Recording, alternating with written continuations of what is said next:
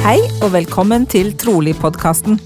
Samtaler i en norsk siste dagers hellig kontekst. Erfaringsmessig ikke helt uten berøringsangst, men vi prøver. Jeg heter Johanna Bjerga. Og jeg heter Dan Rikard Hagen. Her i Trolig-podkasten snakker vi med hverandre og med gjestene våre om deres trosreiser og tvilsreiser og andre temaer vi er opptatt av. Målet vårt med denne podkasten er å skape et rom med takhøyde og plass til alle. Fordi alles historie fortjener å bli hørt, og fordi vi mener at det er mer enn én måte å være en siste dagers hellig på. Vi minner om at det som deles her er våre og våre gjesters personlige erfaringer og meninger. Og at podkasten ikke er i regi av Jesu Kristi kirke av Siste dagers hellige. Men for ordens skyld, både Dan Rikard og jeg er aktive troende medlemmer av kirken, og podkasten vil reflektere det. Da kjører vi ny episode.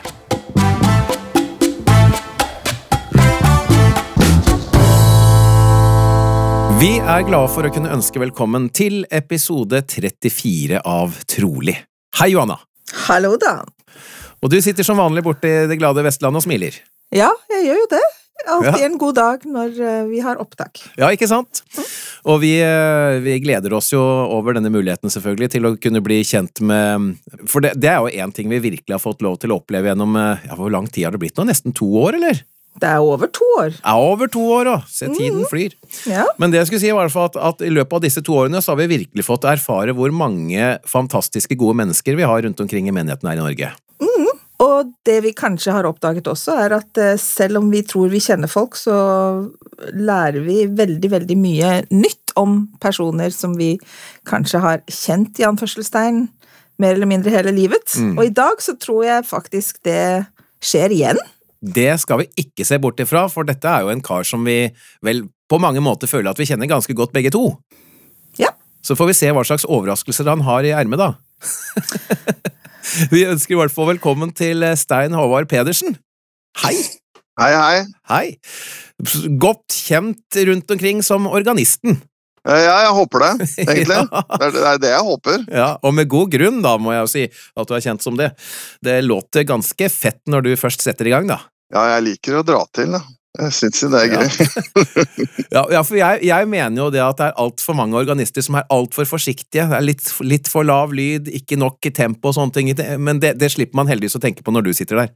Jeg kan, eh, jeg kan bare røpe, uten å røpe hvem det var, men det var en profesjonell musiker som, eh, som vi alle kjenner, som kom opp til meg fra siste konferanse og sa nøyaktig det samme. Så, Sier du det, ja? Ja, så det er, jeg er jo glad for å høre det. Jeg får jo, vann på, jeg får jo vann på mølla, da. Ja, selvfølgelig. Og eh, som jeg sa, ja, vi, både jeg og Johanna kjenner jo deg relativt godt. Eh, du kan, Johanna, hvordan kjenner du Stein Håvard, egentlig? Ja, vet du, gode gamle Oslo 2, vet du. Ja, ikke sant? Ja, forløperen for Romerriket. Stein Håvard og jeg eh, har bokstavelig talt vokst opp sammen. Foreldrene våre var gode venner, og ehm, ja, Stein Håvard var en viktig del av min barndom og tidlige ungdoms, uh, ungdomsår. Og for mitt vedkommende så dreier det seg om at vi pleide å eh, sove over hos familien Pedersen når det var statskonferanse i gamle dager. Sånn kjenner jeg til Pedersens. Ja, jeg husker det bedre fra Hamar, faktisk. Gjør du det? Ja, At dere var og besøkte min mormor og morfar når vi var der. da. Ja, ja, ja. Men det tror jeg kanskje har noe med det å gjøre at du var nok i din ungdomsår, så du var aldri hjemme du når vi var der. Nei, Det kan stemme, faktisk. For jeg husker ikke at du var der. Nei, jeg kan heller nesten ikke, når jeg tenker etter, huske at du var der, og det var kanskje også derfor at en av oss sov på ditt rom. Det tenker jeg, da. ja, men jeg visste at du bodde der. Ja. ja. Men vi får ta det litt fra børjan da, Stein Håvard. Um, hvem er nå du da, og hvor kommer du fra, og så videre? Ja, Dette føles jo som et jobbintervju. Det er, eh, jeg hadde Ja. håpet å slutte med det. Jeg er jo blitt en voksen mann, da. Jeg er eh, 56 år. Jeg er født og oppvokst i Oslo, som Gianna sa. Om jeg bare kan få kommentere det du sa, i like måte. Gianna var en viktig del av meg. Jeg regner oss som nære venner, men bare kan ta en eh, fotnote på det. Det var noen år siden hvor du sendte meg et brev i forbindelse med et eller annet vi sikkert skal snakke om senere. Eh, og beklaget deg litt over at vi, det var, vi hadde jo lite kontakt, og da husker jeg svarte deg og kjente oppriktig at det har veldig lite å si hvor mye kontakt man har eh, med de man opplever som nære venner. Så det gjør jeg fremdeles, Janne. I like måte, Stein Håvard. Så ja, hva skal jeg si? Jeg har jo Jeg skal begynne med sånn, jeg har jo fire, jeg er jo enkemann. Um, har fire barn. Tre voksne sønner. Jeg tror de er 29, 28 og 24. Også en jente som blir ti om to uker. Jeg har mye mer kontroll på det, nemlig. Ja. Og så mm, Hva mer skal jeg si? Jeg jobber i IT-bransjen, et programvareselskap, som eh, avdelingsdirektør for en konsulentgruppe, altså de som er ute hos kundene og hjelper til. Hvor jeg da trives svært godt, har det veldig bra, og prøver å hjelpe de å gjøre jobben sin eh, mest menneskelig og ledelsesmessig, fordi jeg, jeg, driver ikke med det de driver med. Altså, jeg er ikke veldig teknisk. Jeg er nok mer teknisk enn eh, gjennomsnittsbefolkningen, men ikke i forhold til de, da. Har gjort det hele mitt liv, så har jeg jobbet i IT-bransjen. Så har jeg jobbet med i skjæringspunktet salg, ledelse, rekruttering, teknologi. Stort sett på konsulentsiden, altså med mennesker, da. Hva annet skal jeg si, ja?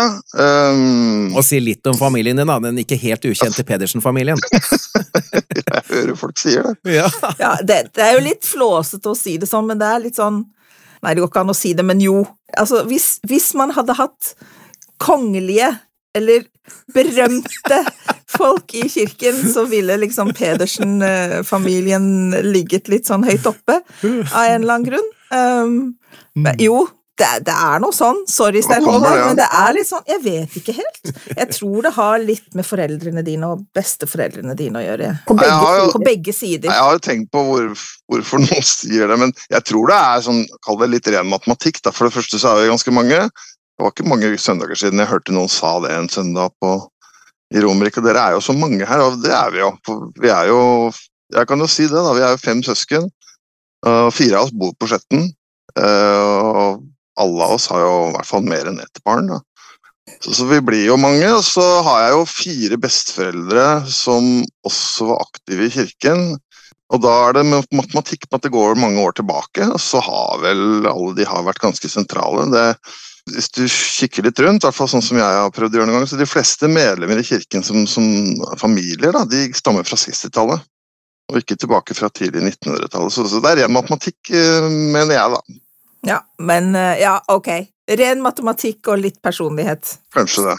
Ja, altså, din far var jo også tross alt statspresident, Ja da. og om jeg ikke husker feil, nummer to vel i staven? Ja.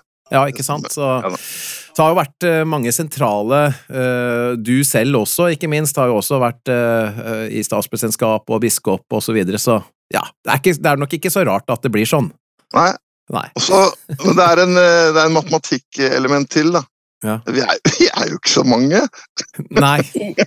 Tross- nei, Totalt sett, nei, det er sant. Så jeg hender jo det når jeg treffer, eh, jeg treffer mennesker da, som enten sier at de kjenner noen mormoner, og sånn, så sier jeg at eh, det er stor sannsynlighet at jeg vet hvem det er. Ja. Fordi jeg har vært såpass lenge og vært såpass mye rundt, og vi ikke er så mange, så så kjenner jeg veldig mange, i hvert fall familier. Ja. Men jeg, jeg må si det, nå er jeg blitt så gammel at uh, hvis jeg nå snakker med mine nevøer og nieser eller barn, da, i forhold til andre ungdommer som da kommer fra andre deler av landet, så spør jeg jo alltid ja, hva heter til etternavn.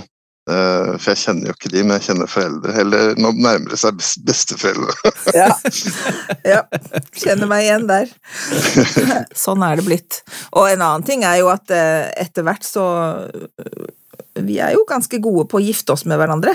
Ja da. Sånn at eh, jeg, jeg flirer jo litt når, eh, når vi snakker med folk på vår alder i hvert fall, og oppdager at eh, vi er jo nesten i slekt hele gjengen. Ja, da. Innavl. I, noen, I noen enheter mer enn andre, vet jeg. Mm. Men vi kan jo kanskje snakke litt om det òg, da. Nå uh, var vi inne på det at Stein var altså, altså din far var eh, statspresident. Da var, vel, da var jo du ganske ung. Du må ha vært i dine ungdomsår. Ja, da var jeg på misjon. Du var på misjon, så jeg holdt på å si at du slapp litt unna, da. Jeg fikk telegram på døra. Det er eneste gangen i mitt liv jeg har Åh. fått eh, telegram. Akkurat når han ble kalt, mener du, eller? Ja, han ble kalt ja. Ok. Nei, Jeg var i en uh, fjellby utenfor Madrid som heter Segovia. Ah, ja, ok. Og det hus- Jeg husker det godt det kom telegram, for han hadde jo vært rådgiver til, uh, Rosa Bjareng i ti år. Og så, og så var det bytte, da. Så sto det bare kort at han var blitt kalt som statspresident og hadde, hvem han hadde som rådgivere. Hva tenkte du da? Nei, hva tenkte jeg da? Nei, det Nei, jeg, jeg tenkte det var fint, jeg. Ehm, jeg har sagt det til ham personlig, men det er jo fint å si det alltid si på radio eller på podkast. Altså, han har jo alltid vært en av mine store helter, så jeg syns jo det var stas. Mm. Uh, Jeg kan med hånda på hjertet, det vet jeg. Jeg var ganske gammel før jeg seriøst, jeg mener det helt alvorlig, innså at min mor og far hadde feil, altså. Jeg tror jeg var 14-15 før jeg faktisk innså at de var mennesker som gjorde feil. Sånn så nok jeg på min mor og far. Ja, og, og hvordan opplevde du det da, da? For da hadde du åpenbart hatt et litt sånn forherliget bilde. Nei, jeg opplevde ikke det noe negativt. eh, og bare over det at jeg ble voksen selv. Nå skal det sies, det òg, da. Kan hende vi skal snakke om det flere ganger. Eh, fint å utlevere seg personlig på sånne ting som det er. Jeg hadde bestemt meg på forhånd jeg ikke skulle gjøre det. Men jeg er jo, jeg er jo en klassisk godtroende og naiv person. Da. Uh, men så har jeg også jeg har også jobbet som hodejeger, det kan jeg nevne. Og, der, og det var veldig interessant, for da lærte jeg veldig mye om, om mennesker. Da, og hvordan karakterisere og eh, skal vi si velge ut mennesker på, på egenskaper og personlighet. Og det å være godtroende og naiv har noen helt andre navn også, eh, som vi sikkert kommer tilbake til, f.eks. innenfor tro. Da. Altså Som handler om tillit og, Mm. eh, og det å stole på andre. Og, og være, og Ofte så kaller jeg det ikke naiv og godtroende, jeg, kaller det, jeg bruker andre ord ofte. Jeg er klassisk sånn optimistisk og positiv. Ja, jeg syns det er litt spennende at du Og det kan jeg godt tenke meg at vi kan snakke litt mer om også, for at jeg har tenkt på mye av det samme selv. For jeg opplever også meg selv som eh, naiv og godtroende. Så har jeg liksom lurt litt på ok, er det bra, eller er det udelt bra? og så videre. Men det kan vi jo snakke mer om litt siden, da. Mm. Ja, men jeg har, jeg har en kommentar på det umiddelbart, for Ja. det lærte jeg som hodejeger av en mentor jeg hadde. Og det, og det bruker- det sier jeg ofte, og det tror jeg veldig på. Spesielt i jobbsammenheng, da, i denne rekrutteringsbransjen. så Når man er på intervjuer, så snakker man om å bli spurt om svakheter og styrker. Eh, og Da hadde jeg en mentor jeg var hodejeger som sa at det er, det er feil. Det er ikke noe som heter det. Sånn. Vi har egenskaper, og de egenskapene de har fordeler og de har ulemper. Så Dette er et gratis tips da, for de som eh, skal, skal i jobbintervju. Hvis du blir spurt om det, så bruker du bare egenskaper du har. og så Når du blir spurt om styrker, så bruker du fordelene. og Når du blir spurt om svakheter, så bruker du ulempene. Jeg tror det er sånn. Jeg, jeg, jeg tror mer på det enn på at du har styrker og svakheter. Ja. Jeg husker da jeg skjønte det, og da jeg var òg relativt voksen, da jeg forsto at alle egenskaper har bare en sånn flipside, liksom, ikke sant. Jeg husker at jeg, jeg, jeg var jo en av de klassiske jentene som skrev sånn ønskeliste om hvordan jeg ville at min fremtidige mann skulle være. sant? Han skulle være ambisiøs, han skulle være arbeidsom, han skulle være ikke sant? Hvis du gifter deg med noen som er ambisiøs og arbeidsom, så gifter du deg også med noen som prioriterer jobb veldig mye. Ja, da blir du aleine. Ikke sant? Så, da, så alt Så det er positive ting med det, og det er negative ting med det. Ja. Så veldig riktig observert. Ja, for jeg hadde egentlig da tenkt å spørre i forhold til det med din far som statspresident, hvordan det var å ha en far som statspresident, men da var jo du borte omtrent mesteparten av tida, men du fikk vel noen år? Nei, jeg var bare borte ett år. Ja, okay. Så det, dette var etter Han ble kalt da jeg var, eh, hadde vært på kommisjon ett år. Mm. Uh, og da, så det fikk jeg med meg eh, når jeg tenker meg om. Ja, det, ja, jeg var jo voksen da, men for å være ærlig, sånn, for meg så var det nok det samme de ti årene han var rådgiver. Så, så, så, og da var jeg tenåring, fra jeg var tolv og, og oppover, så, så det husker jeg godt. Er det plag kan det være plagsomt? Nei, jeg, jeg eh, Det har nok med min person. Jeg opplevde det ikke som plagsomt, men jeg husker jeg opplevde det plagsomt i, i en sammenheng. Jeg må bare tenke meg om hvordan jeg skal formulere det. Jeg har liksom ikke lyst til å gå utover noen. Men og jeg og broren min og um, ja, Noen navn kan jeg jo bruke. Håvard og Torgeir Sterri. Vi hang mye sammen, og vi fant på mye sprell. Og vi var mye ute seint på natta. Eh, men med hånda på hjertet, vi fant på aldri noe i nærheten av galt. Og Da husker jeg en gang moren min snakket med meg om noe rundt det, og da var det tydeligvis noen andre ungdommer som da hadde sagt til sine foreldre, som da eh, tydeligvis ikke holdt seg like mye på matta, og pekte på oss, ja, men de får jo lov. Og da husker jeg moren min sa til oss et eller annet om at vi måtte være forsiktige og Mm. huske på Og da husker jeg ble, da husker jeg ble irritert. Det syns jeg var urettferdig. Ja. For det, fordi at, eh, helt ærlig, vi fant aldri på noe tull. Jeg syns det var urettferdig. Det er den eneste gangen jeg kan huske at jeg syns det der eh, Mm. La meg slippe det rampelyset. Mm. Ja, for jeg, jeg ser jo for meg at det kan bli litt sånn eh, Ja, vi er familie til statspresidenten, så det er viktig at uh, Ja. Ja. At det stilles andre krav, på en måte, eller høyere Ja. krav. Ja. Ja. Ja, det, den kjøper jeg. Men jeg syns det var urettferdig i vårt tilfelle, da. For det, fordi vi hadde ikke gjort noe. ja, ja, ja. Nei, ja. Du hadde en bestefar som var patriark òg. Ja da, Han var biskop, han var biskop da jeg var ungdom, øh, tenåring, og patriark senere, da. Eller senere ungdom, da. Ja. Fikk du din patriarkalske velsignelse av ham?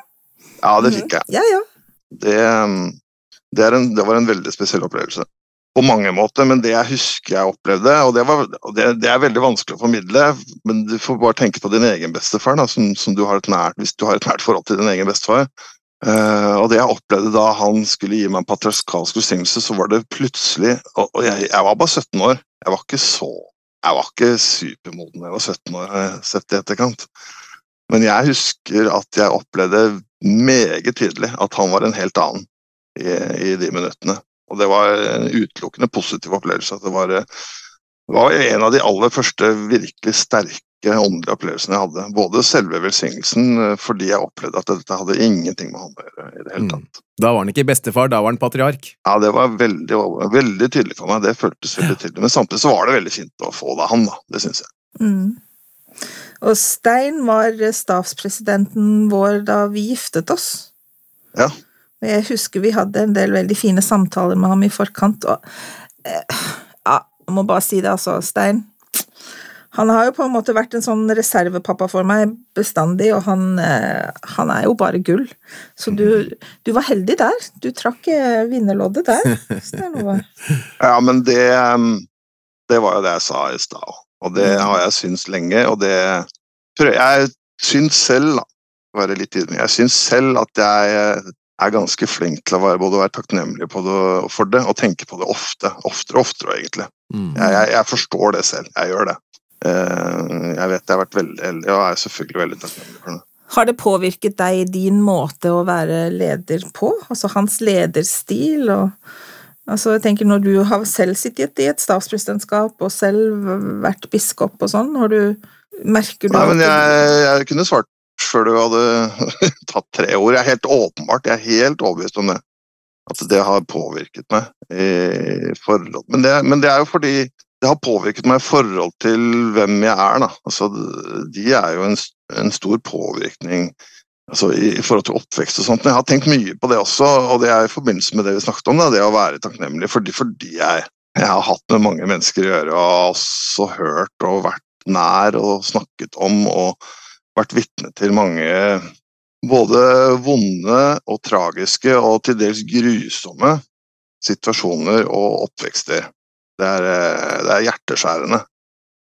Eh, Og da, da er det nesten litt vanskelig i egen situasjon og føle at det der er man totalt spart for. Men det jeg har sett, da, hvor mye en dårlig oppvekst kan ødelegge, eh, så opplever jeg jo det i andre enden av skalaen. At det har påvirket meg veldig i forhold til en god oppvekst. Trygt og godt. Jeg sier jo ikke at de var feilfrie, langt ifra, men det gikk ganske lenge. Jeg var nesten voksen før jeg skjønte det selv.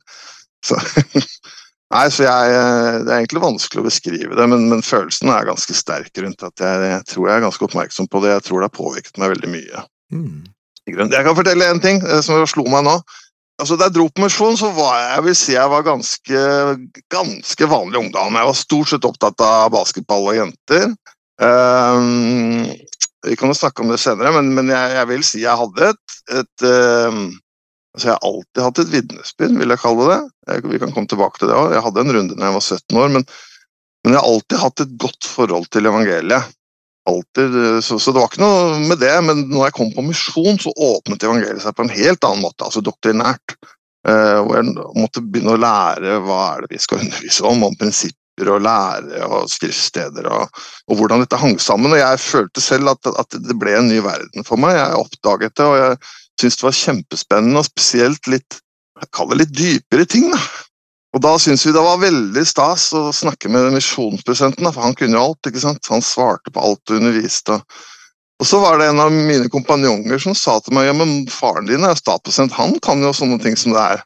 Og det slo meg da at ja, det kan hende at det var når jeg kom hjem at jeg oppdaget at dette, alle disse tingene kan jeg han. Og det var da jeg oppdaget alle bøkene i bokhylla hans som jeg aldri hatt noe forhold til før.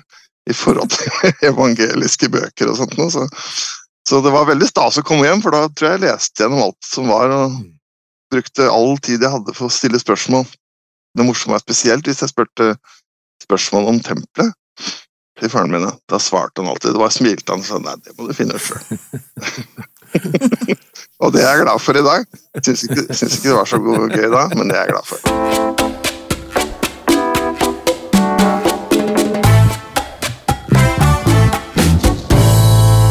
Men skal vi rett og slett kaste oss over eh, den åndelige reisen din, da, for å bruke det uttrykket? Ja, det er det eneste jeg har forberedt meg på oppi hodet mitt. Da. Ja. Tenk, tenk på, men det er ikke noe å forberede seg på, for den, den er jeg jo veldig klar over. Jeg, eh, og det jeg har snakket med, faren min om også. Han hadde samme opplevelsen som meg. eh, At han har, og jeg da, bedre å si, jeg har vel alltid hatt et vinduesbyrd fra jeg var liten. Det tok mange år å finne det ut, så, så det er en prosess man må gjennom. Men hva mener du da? Mener du at du sånn i ettertid ser at du hadde et vitnesbyrd, eller var du på en måte klar over det da også? Nei, jeg var klar over det da, men okay. ikke på samme måten.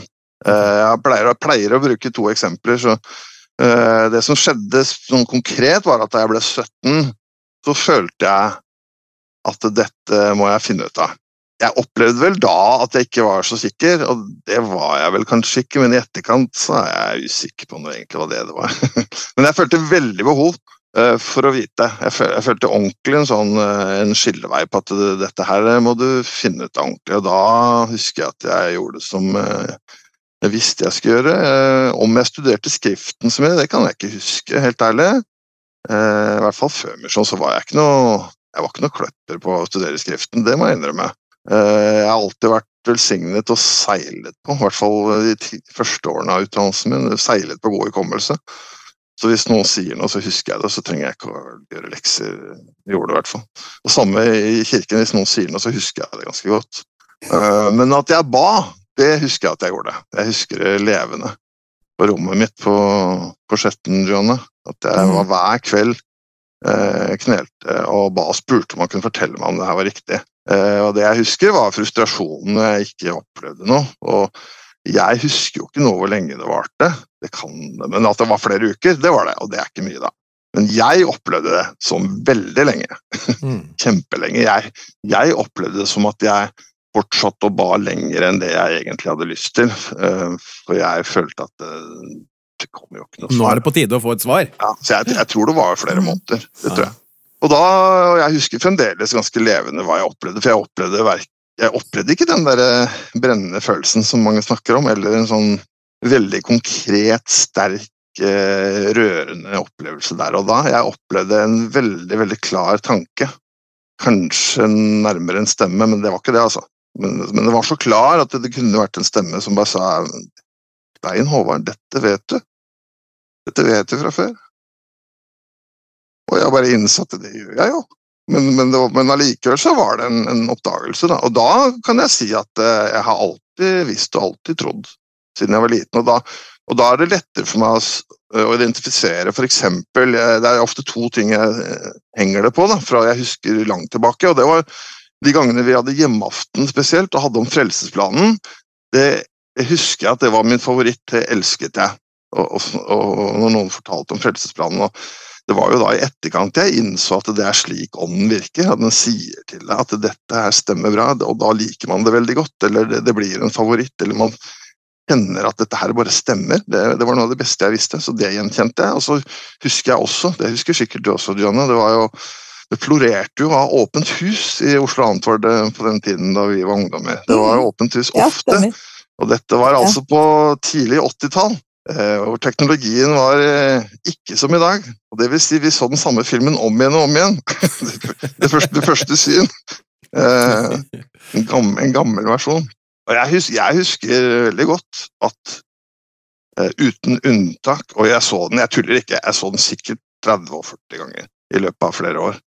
Og det var uten unntak så kjente jeg en sånn klump i halsen at jeg nesten begynte å gråte hver gang det første syn utspant seg. Men det er ganske interessant at jeg ikke skjønte helt hva det var før etterpå. Eller i hvert fall klarte å koble det sammen med eh, en sterk åndelig påvirkning. Da. Og Det er jo litt interessant, det sier kanskje litt om hvor viktig det er å hjelpe folk å forstå at eh, det er ånden, da. Ja. Det... og det minner meg på én ting, liten digresjon, men før Det må ha vært rett før Oslo 2 og Romerike skilte lag. For du ble vel, Var du den første biskopen i Romerike? Ja. ja. Så du ble vel strengt tatt kalt før dere begynte å møte der oppe, tror jeg? Ja, vi var, jeg var biskop i Hekkveien i, eller, altså, Du i Romerike det, ja. menighet, men vi brukte Hekkveien i jeg vet ikke hva det var, noen måneder, tror jeg. Ok, Det er to ting eh, som jeg skal si i den forbindelse. Fordi at jeg husker at du ble kalt, og, og at du nok bar vitnesbyrd. Og så var det to ting du sa som eh, har stuck with me. Det ene det var at du startet uh, uh, vitnesbyrdet ditt med å si at jeg kan bekrefte at ånden er her. Mm. Og jeg bare kjente hårene reiste seg på armene mine. For jeg kjente akkurat det samme, men det at noen gikk opp og sa det, det var, det var veldig, veldig sterkt. Og så sa du en ting til, uh, som de fleste biskoper sier, de går til arbeid med litt sånn frykt, ikke sant, men så sa du at du fikk en forståelse av, jeg tror kanskje du hadde snakket med faren din, at det var slik historien var, så sa du at jeg har fått en forståelse av at det er ikke jeg som skal gjøre jobben, egentlig. Det er, uh, ja, altså det er med hjelp fra, fra vår himmelske Fader. Akkurat, det, akkurat den husker jeg også veldig godt, og det var litt pussig du sa det, for det er kanskje den, ene, den andre gangen jeg kan huske hele mitt liv hvor jeg har vært eh, har ikke hørt det stemmer, jeg har aldri gjort det, men det er det nærmeste jeg kan si at det var så tydelig. Og da var det da jeg hadde blitt kalt som biskop. Jeg var jo, man kan tenke, jeg tror jeg var bare 32 år. vet du. Den gangen syntes jeg var kjempevoksen. Jeg ikke så Men jeg husker i hvert fall den følelsen. at det, Og jeg husker akkurat hvor jeg var. Jeg hadde, Eivind Sterri hadde kalt meg som biskop. Jeg var på parkeringsplassen hjemme. og Jeg var ganske fortvila. Ja. Og jeg husker jeg sa til meg selv i hodet at Stein Håvard, dette klarer du ikke. Og jeg nærmest da hørte en stemme som sa det stemmer, det klarer du ikke. Og, og det var ikke noe mer enn det, og da kom den forståelsen som du sa, at det, det er ikke du som skal klare noen ting. Det er Slapp av, det er Ja, ikke noe å bekymre seg for. Men når du sier at ikke du klarer det, så har du helt rett. Du klarer det ikke hvis du tenker det på den måten. Og det der er jo en fantastisk eh, hva skal jeg kalle det, inn, innseelse, jeg, vet ikke hva ordet er, for det samme gjelder på, på så mange andre arenaer i vårt liv også, ikke minst som foreldre, for eksempel. Eh, Jeg er fæl til å ha litt dårlig samvittighet hvis jeg ser barna gjør eh, litt dumme valg, for jeg tenker har ikke jeg lært dere bedre, ikke sant, og legger mye skyld på meg selv, og så glemmer man det faktum at ok, det er ikke du som gjør den jobben der alene, liksom. Det er helt riktig. Men det er klart, jeg lærte jo det veldig tidlig da jeg var misjonær. Det husker jeg. jeg, husker, jeg det også husker jeg veldig godt. da jeg ble, For hele oppveksten jeg vet ikke hvordan dere hadde det, men da hele oppveksten så oppfattet jeg misjonærene som der, altså oppi der. Ja, ja. ja, ja. de, var, eh, de var spesielle. De var annerledes. De var eh, Da jeg ble kalt som misjonær, så ramla det sammen. altså. Det, det gjorde det, fordi jeg var den Jeg var jo bare meg. Jeg var jo Ja, jeg trodde på evangeliet, men jeg hadde ikke noen super eh, superdyp forståelse av det. Og jeg var som sagt jeg var liksom opptatt av jenter og basketball, men jeg ville dra på misjon. Jeg hadde aldri noe tvil eller noe lurte på det, og ikke var det vanskelig heller, syns jeg. Men, men, da ble, men, men da ble det satt i en sånn posisjon, husker jeg. Det var spesielt, jeg, var nok flere ganger og opplevde det, men jeg husker den byen da, som jeg var i, da, som jeg snakket om tidligere. Da husker jeg vi underviste dommerne i byen. Det var ganske stas. Og da husker jeg det var veldig tydelig for meg at det, hva kan vi gjøre? 20-åringer. Og da var det veldig tydelig for meg at dere skal bare, vi skal bare invitere og bringe budskapet, så er det ånden som gjør jobben. Så, så jeg hadde jo lært det tidligere, men, eh, men man må jo relære ting og gjenoppdage ting stadig vekk, da. Ja, ja, ja. Det der tror jeg er en eh, påminnelse man trenger eh, ofte i livet. Ja. Jeg, jeg har tenkt mye på det selv, hvor lite, dessverre, jeg egentlig benytter meg av den muligheten. Hvor mye jeg egentlig stoler på meg selv. Ja, og det, og det er ganske viktig, og det kan være ganske um, Ikke si farlig, men det kan Altså, det er ikke bra. Nei, det er ikke. Spesielt i, i, i de tingene vi gjør i kirken. Og, men det er en kombinasjon òg. Jeg kan fortelle en historie om det. For det, det var også da, rett etter jeg var kalt som biskop, da følte jeg fremdeles den der følelsen innimellom at eh, du har ikke gjort det du skal, og du skulle vært sånn, og du skulle vært sånn. Jeg husker jeg snakket med Eivind Sterri, da, som var statspresident. og Jeg husker veldig tydelig han sa at eh, Herren har kalt deg Herren kjenner deg. Han har kalt deg sånn som du er, med de egenskapene og svakhetene, eh, selv om jeg sa i stad at det heter ikke det, som du har. Og han forventer at du skal bruke de. Han forventer at du skal være deg selv, men da selvfølgelig i kombinasjon med å, å være ydmyk og, og bruke Herren eh, som styrende kompass. da. Det minner meg på en ting, forresten, for det var jo du som kalte meg til biskopsrådet i Moss i sin tid. Det begynner også å bli noen år siden, og du beskikket meg. Nå skal jeg til å si at det husker jeg ikke, men nå husker jeg det veldig godt. Nå husker jeg det veldig godt, for GPS-en min den gangen havna på et jorde når jeg skulle hjem til deg. Skikkelig Ja. jorde. Ja, det husker jeg òg. Men det er en annen ting jeg husker. Uh, under selve beskikkelsen så sa du en ting, Uh, eller så ble det sagt en ting, er kanskje mer riktig å si, som, uh, som jeg har tenkt mye på, og som var veldig ålreit for meg å høre. For da ble det sagt at, at du skal ta med deg på en måte din personlighet, da, den du er, inn i dette kallet. Fordi at jeg, det er, jeg tror det er fort gjort å på en måte tenke at nei, men jeg er jo ikke sånn som han som kanskje var det før, eller altså man setter seg opp sånne helter, kanskje, som man tenker at man må være som, men, eh, men som du sier, det er faktisk du som er kalt, med dine fordeler og dine ulemper. Men det, men det lærte jeg av Eivind Sterre den gangen, og det har jeg aldri glemt. Og det, til dags dato så mener jeg det stemmer veldig bra. Så, så jeg mener det er viktig at vi forstår det litt bedre. Mm. Mm. Så tror jeg det er kjempeviktig òg, det slo meg litt når du sa det, at du var liksom i tenårene før du skjønte at foreldrene dine gjorde feil og hadde feil, eller var mennesker, da, menneskelige. Og, og så tenker jeg at dette kan overføres også til um, ledelse i kirken, både på lokalt plan og, og høyere opp. Altså at det er viktig at vi, at vi, vi skjønner at, at lederne våre er bare mennesker. Eh, at vi ikke ikke forventer at de er fullkomne, men òg at vi jeg håper å si, show grace, altså at vi gir uh, Altså give them the benefit of the doubt og gi Norsk dem- ord er å være rause. Ja. Jeg, det er en av tingene jeg noterte etterpå. uh, I et eller annet som som du, noen sånne spørsmål du spurte meg om. Um, vi kan komme til det da. Men, Mm. men uh, la oss huske på at det der å være rause, Ja. og huske på at vi sitter i samme båt alle sammen, Mm. det er um, Jeg spurte meg tidligere om det er en ting jeg brenner for. Jeg svarte nei. Eller sånn spesialtema, men det er nok Det var den tingen jeg tenkte på. Det Ja. er jeg veldig opptatt av. Men så synes jeg det er vanskelig å snakke om det, fordi det peker bare på meg. da. Mm. Hvis jeg går ut og sier jeg er veldig opptatt av at vi er ikke vi er fordømmende med hverandre. Jeg, nå, nå, beklager Eivind Sterja hvis han hører på, men husker jeg sa det til han en gang i frustrasjon over noen som hadde gjort noe. Og så sa jeg vi er så, vi er så kjappe til å dømme hverandre, sa jeg. Og så sa, smilte han meg og så sa han, vet du hva Stein Håvard? Nå gjorde du akkurat det. Ja. Åh, Ouch. ja, ikke Det var helt rett! Ja. Det er derfor jeg syns det er litt vanskelig å snakke om, fordi jeg har bare Og jeg har eh, Nå utleverer jeg meg veldig, men jeg, det er en av mine s- svakheter eller utfordringer. at Jeg er kjapp til å mene noe om andre. Nå, nå går vi egentlig inn på det temaet, Johanna, Mm, mm, mm. som jeg, som jeg er litt opptatt av. og Jeg kommer sikkert tilbake til det på et annet spørsmål. Men, men jeg eh, Vi trenger å være litt rausere med hverandre. Vi, vi er veldig kjappe å mene noe om hverandre. Jeg er ikke imot å ha meninger om ting, men meninger om hverandre. Mm. Eh, og hvordan du burde gjort det, og hvordan du ikke gjør det. Og, og hvordan du kler deg. Og det, det er et vanskelig tema, for jeg tror, og det, jeg tror det er en grunn til at jeg eh, Spesielt jeg var, jeg har vært biskop to ganger. Eh, det syns jeg var en velsignelse, for det var veldig veldig ålreit å få prøve en gang til. Med en del ting som man hadde lært. Rett opp noen feil, si! Ja, rett, ja, ja, gjøre litt annet. Men det var, en, det var nok den som jeg husker best fra den andre perioden. At det, det lå på som det heter, det lå på mitt sinn kontinuerlig. Veldig, veldig sterkt eh, alle de årene. Vi, vi mener litt for mye om hverandre, og vi må og det, det, Dette ligger jo i evangeliet. og Det handler bare om å jeg skulle ønske jeg da, er riktigere å si, jeg skulle ønske jeg kunne praktisere det vi lærer, spesielt på det området, litt bedre. For det var kanskje en av de tingene Kristus var mest opptatt av. Altså hvordan vi behandler hverandre, hvordan vi omtaler hverandre. og eh, Hvordan han da ikke sant, gikk til tollere og syndere og skjøgere.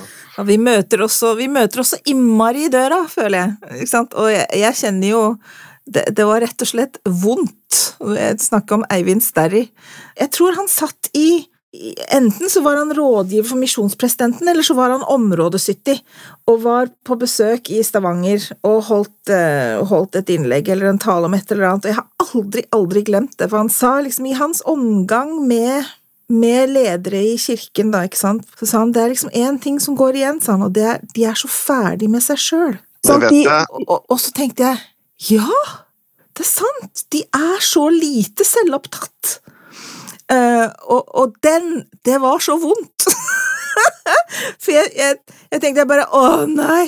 Og det er en sånn greie som uh, har gått igjen hos meg i mange år, hvor jeg liksom tenkte at vet du hva, du må, du må, nå må du bare bli litt mer ferdig med deg sjøl, ikke være så opptatt av deg selv. Og kanskje spesielt som forelder eller som lærer, og vi, får, vi har jo alle opplevd å, å være lærere.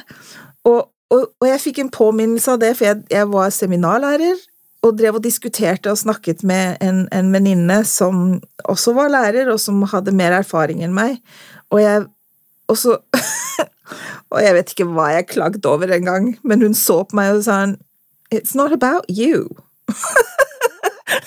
og jeg bare uh... men, men, når det er sagt, så er dette også noe som jeg har tenkt en del på i det senere, dette med dømming og sånn. Uh, er vi litt uh, Er dette en liten jeg kaster kanskje en brannfakkel nå, men er det litt sånn at vi har sannheten? Mm. At det setter oss på en plass som gjør at vi fort kan liksom dømme, da? Definitivt. Eh, det der har jeg tenkt på i mange år. Altså, ikke misforstå. Jeg mener 100% fra innerst meg at vi har sannheten, men jeg tror det er Det bringer med seg en del store farer. Og holdning, hvordan vi ser andre, hvordan vi ser oss selv hvordan vi behandler andre. jeg har sagt mange ganger, eh, veldig lite blant eh, oss i kirken jeg, jeg kan hende jeg har sagt det, men jeg sier det alt, nesten alltid når det kommer opp da, i en sosial sammenheng på jobb eller naboer. At jeg er medlem av kirken, og i hvert fall hvis det kommer litt lenger innpå det. Da, da lander jeg, eller prøver å få inn den setningen, for den er viktig for meg.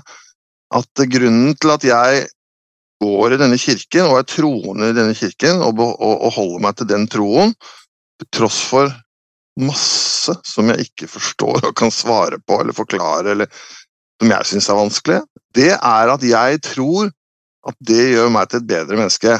Ikke bedre enn deg, overhodet ikke bedre enn deg, eh, men bedre enn jeg selv ville vært uten. Mm. Og, og, hvis det ikke er tilfellet lenger, da kan det hende jeg må ta en vurdering. Ja, ja, ja. Eh, nå tror jeg aldri det skjer, men, men, men, så viktig er det for meg. og Det, det er liksom helt styrende eh, i forhold til hva jeg I og med at vi snakker om tro her, da. Eh, det er helt styrende for, for min tro. Altså må, det, den, må gjøre meg bedre enn jeg ville vært uten. Og det tror jeg virkelig. Jeg er helt overbevist om og har diskutert med noen få nære venner. Spekulerte hvordan jeg ville vært uten evangeliet. Det er ikke en uh, hyggelig Det er en hyggelig diskusjon, men det er ikke noe hyggelig at Jeg vet ikke, men det er sånn jeg tror om meg selv. Da. Jeg tror ikke jeg ville vært så veldig dårlig. Ja. Kjenner meg, kjenner meg litt igjen der. But it's not about me. Nei, men alt det vi snakker om nå, er etter min oppfatning og variasjoner da, av, av, dette jeg er kall det brennende for, eller er opptatt av. Altså hvordan vi ja, kall, kall, det dømme, da, men, men, men, men det var den derre men nå gjorde du det selv, Stein Håvard. Da bare tenkte jeg da jammen gjorde du det. Det har jeg aldri tenkt på. Mm. Nei, men det var, det, var en, det var, en, veldig god opptakelse, for da tenkte jeg at her må du tenke litt annerledes. Ja. Da er det egentlig en del ting vi skal tilbake til etter hvert, så jeg bare håper vi klarer å huske på alle de tingene. Sikkert ikke. Sikkert ikke. Det vil vise seg. Men jeg kunne tenke meg nå at vi går litt videre på livslinja di. Nå har vi vært gjennom ungdomsårene med både far som eh, statspresident, og du har vært på misjon, og eh, det skjedde jo en del ting etter det også. Ja, så Tenker du på det som skjedde for ti år siden, da? For det er liksom, det er, ja, det var ja, men hallo, Vi kan ikke bare hoppe bukk over hele greia. For jeg, jeg for en, fordi jeg flyttet vekk og fikk ikke med meg hvordan du og Lena kom i sammen. Ja, jeg tenkte, tenkte på det akkurat når jeg sa det, at jeg må jo si det først. Uh... Jeg kjente jo Lena litt. Hun og jeg var um, besøkende lærerinner sammen en periode. Og vi var liksom i samme unge voksne-gjeng. Uh, og, og, hun var jo konvertitt, ja. sant? Uh, og var den eneste i sin familie, sånn som jeg forsto, som var medlem av kirken. Og ja. jeg opplevde henne virkelig som eh, helt spesiell, og, jeg, og, dette har jeg jo sagt noen ganger, at jeg føler ofte at de som kommer inn i kirken som litt voksne, de har noe med seg som, jeg, som Det er fordeler og ulemper med alt. Det er jo fordeler med å vokse opp i kirken og være en del av en sånn mange generasjoners medlemmer av kirken, men det er noe med det også å velge å, å bli medlem av eh, en kirke når man er voksen. Ja, keep going. Fortell mer om Lena. Men uten å foregripe begivenhetenes gang, for dette kommer sikkert du til å nevne også, Stein Håvard, eller komme innpå. Lena var spesiell. Ja, men jeg er jo så glad det skal være første jeg skal si, jeg er så glad du sier det. Uh, selvfølgelig er jeg glad det, men jeg mener jo det. selvfølgelig mener jeg det. Helt annerledes, men det er, det er, interessant hvis jeg tar litt kjapp bakgrunn, da. Jeg er også litt redd for å utlevere noen, men uh, jeg husker jeg var jo litt mer voksen.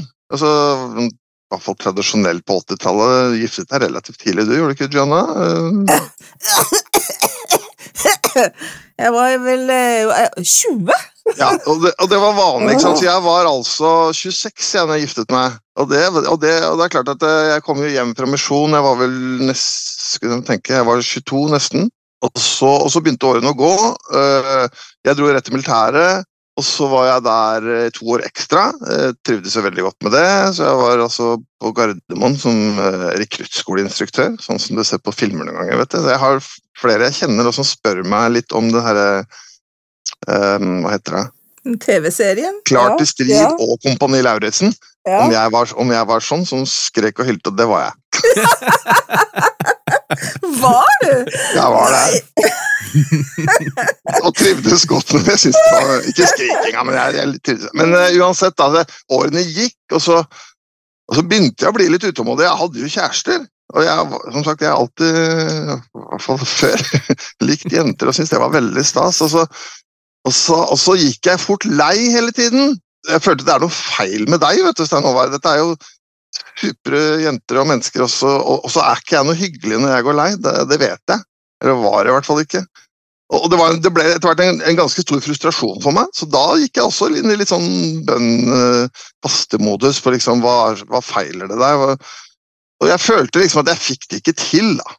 Og da husker jeg husker det godt, skjønner du. Eh, det er, det er ikke alltid kanskje man gjør det, men jeg husker det godt. Det er liksom digg å huske sånne enkeltepisoder. Jeg satt og spilte orgel i Hekkveien, og så uh, husker jeg Lena kom inn døra der nede. Og jeg ble kjempeinteressert med en gang. Syntes hun var kjempepen. Og veldig sånn. Og så er det litt det der som vi snakket om tidligere. Jeg trodde jeg kjente hele Norge, og så kommer en du aldri har sett før. Hvem er dette, hva er dette? Jeg ble kjempenysgjerrig. Ja, så det var, det var, hun kom, flyttet jo da til Antwoord. Hun er jo da fra Fredrikstad, for å ta det. Hun øh, dro til USA som utvekslingsstudent i Michigan da hun var 19. Øh, gikk på high school, bodde hos en medlemfamilie, men var ikke veldig interessert i kirken. Men hun eh, ble veldig godt integrert sosialt. Så da hennes high school-venninne skulle begynne på Ricks College, eh, som kirken eier i, i, Idaho, så ble hun med de og skulle gå noen semestre der. Og der, lang historiekort, der ble hun døpt. Der fattet hun interesse for, for kirken. Og det er også interessant, for det var altså det der at hun bodde med fem andre jenter på rommet som var helt som henne. Interessert i gutter, dansing, moro. Men så hadde de en sånn religiøs dimensjon. De ba og sånn, gikk kirken på søndag. Det fattet hennes interesse. Men så flyttet hun til uh, hjem igjen, og flyttet til Oslo, for hun fikk seg jobb og bodde på hybel i Oslo. Så det var sånn jeg traff henne. da. Så begynte vi å gå ut sammen, uh, men da viste det seg fort at hun hadde jo lyst til å dra på misjon. Uh, så tenker Jeg etterpå, jeg prøver å tenke på om jeg syns det var dumt. Det kan jeg ikke huske at jeg et øyeblikk syntes var dumt, men det var nok fordi jeg hadde vært på misjon relativt nylig selv. Jeg tenkte at det, er det finnes det som er, jeg bare venter, det er ikke noe problem det. Og det var det ikke. Det gjorde jeg. Så jeg uh, oppfattet det som bare supert. Så vi giftet oss ganske fort når hun kom hjem. Hun uh, Jeg var jo kjempeklar. Hun syntes nok det var litt brått, men hun var klar da vi giftet oss, altså. jeg, bare, jeg bare kommenterer akkurat det, da, for det var en av de, en av de tingene jeg antagelig satte mest pris på. Altså, det er veldig vanskelig å plukke ut noe, men det der å kunne sitte sammen og snakke om misjon, det var helt fantastisk. For det er det er ikke noe problem, det er ikke noe vanskelig å ikke kunne snakke med ektefellen sin, for det kan man jo, men det er en annen dimensjon når man har opplevd noe selv. da. Ja, klart det. Så det var helt fantastisk. Så fikk, ja, så fikk vi da disse tre Skal jeg fortsette, eller? Ja, Ja, absolutt. ja. Få hele regla her. Ja, så, så da må dere stoppe meg, for jeg tenkte bare spole rett mot Vi fikk jo tre gutter. ja. Eh, to først veldig tett, og så en fire år etterpå. Og hadde jeg vil kalle det et ganske vanlig liv. Ja, både kirke og sosialt og jobbmessig, vil jeg si. Eh, og så eh, var det 2012. Da var hun, eh, skal jeg regne litt da, hun var 45 og jeg var 46. Da, på høsten da, så var hun plutselig gravid. Igjen. Det var vi ferdig med. Ja. Da var altså Aron var hodelending. hoderegning. Aron var 14, tror jeg. Det var han var 14. Uh, fotnote. Jeg, er jo, jeg har jo en søster som er 16 år yngre enn meg, som også kom veldig på tampen. Så jeg har jo opplevd det selv. Eh, men den umiddelbare reaksjonen til oss begge var jo dette er jo krise. Dette har vi ikke lyst til i det hele tatt. Og jeg husker jeg var ganske fortvila. Jeg ba ganske mye sånn derre ja, Du føler deg fanget i et hjørne. Hva gjør vi nå? Det er jo ikke noe å gjøre. Men, men, eh, jeg, jeg, jeg var ordentlig, og det var hun òg, holdt å si heldigvis, at det ikke bare var meg, liksom. Men der også skjedde det en veldig veldig spesiell ting. Samtidig, helt samtidig, jeg tipper det var en måned etterpå, uten å ha noe kontakt med hverandre sånn på den fronten, så bare sa vi til hverandre en dag og hadde en sterk opplevelse på hver vår kant at dette blir jo fantastisk. Eh, Det snudde totalt rundt. Eh, Selvfølgelig er det en, et eller annet som ånden gjorde, men jeg klarer ikke helt å forklare hva det var. Og det var samtidig. Kan jeg bare stoppe deg bitte, bitte litt der? For en, en av mine yndlingsanekdoter om da Ingvild ble født, var Nei. at da, nei, nei, Ikke Ingvild, men Mina, selvfølgelig. Mina, hallo. Ja, da Mina kom, så var jo du og Øystein var jo ikke spesielt happy når Gullaug skulle, skulle ha en baby da. Og, men når hun først var kommet, så var det jo ingen som var mer opptatt og glad i og dullet mer med denne, med denne lille jenta som kom. Altså, jeg husker Gullaug fortalte at du kom hjem fra skolen, så var det første du gjorde, var å slenge fra deg ranselen og springe opp trappen og spørre 'Er Mina våken?' Liksom, det var Ja, det har jeg alltid syntes var ganske nydelig. Det er helt riktig, og jeg, mens jeg fortalte, så tenkte jeg skal jeg fortelle det også, for det vi hører egentlig med. Da. Men jeg er sånn redd vi løper ut av tid. Jeg. Men det stemmer. Ja, det stemmer helt nøyaktig. Eh, Jeg husker akkurat sånn, jeg husker det sjøl òg, at jeg lukka opp døra og ropte 'er hun våken?' Eh, Og jeg husker det var grisepinlig å fortelle vennene mine at mutter'n var gravid. Det var, det var krise, altså. Og det er ganske rart med de kontrastene der, altså. Mm.